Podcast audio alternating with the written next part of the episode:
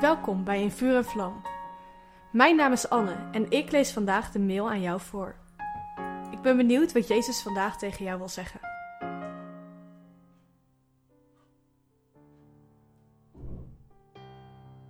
We hebben zondag gezien dat Jezus uitlegt dat het nodig is om geestelijk geboren te worden. Bij een geboorte ontstaat er nieuw leven. Dat is ook bij onze wedergeboorte als we een kind van God worden. In 2 Korinthe 5 lezen we dat we dan een nieuwe schepping worden. Alles is nieuw gemaakt. En om dit nieuwe leven te laten ontstaan, moet er ook iets dood.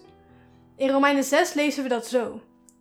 Wij zijn dan met Hem, met Jezus, begraven door de doop in de dood.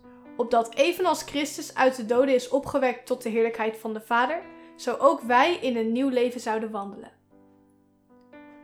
Door onze nieuwe geestelijke geboorte sterft onze oude mens. Door het offer van Jezus kunnen wij het nieuwe eeuwige leven ontvangen. Dat was altijd al Gods doel.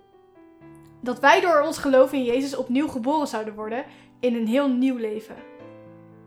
Om dit praktisch te maken wil ik eerst wat met je delen uit mijn tienertijd. Rond mijn dertiende kreeg ik mijn eerste serieuze vriendje, aan wie ik mij emotioneel ging hechten. De slechts vier weken verkering draaide voor mij alleen maar om de jongen. Toen dat uitging, was het alsof hij een stuk van mij wegnam. Ik haalde mijn identiteit namelijk uit die relatie. Het hebben van een eerste vriendje kan ik nooit meer overdoen. Toch heeft God me een nieuw leven gegeven. Toen ik met mijn huidige vriend een relatie kreeg, was het alsof hij voor mij de eerste was. Je ervaring van vroeger blijft, maar God wil je nieuw laten voelen en nieuw laten zijn. Hij wil jouw hart helen van pijn. Hij wil je leven op zijn kop zetten. Hij wil je steeds meer laten worden hoe hij je bedoeld heeft. Denk eens aan welke gebeurtenissen uit het verleden jou nog steeds bezighouden. Misschien is het iets wat je zelf gedaan hebt of wat een ander jou heeft aangedaan. Laten we het bij God brengen. Heer, ik kom bij u met en vul hier voor jezelf in. Ik geef het aan u. Vergeef me voor mijn fouten en ik vergeef anderen voor hun fouten. Dank u dat u alles nieuw maakt. Ik geloof dat u mij helemaal kunt genezen van alles uit mijn verleden. Dank u dat ik niet mijn verleden ben, maar uw kind.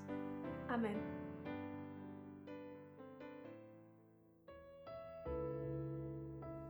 Wat leuk dat je hebt geluisterd naar In Vuur en Vlam. Heeft de tekst je geholpen om God beter te leren kennen? Deel In Vuur en Vlam dan met je vrienden. Meld ze aan op streef.nl slash en vlam.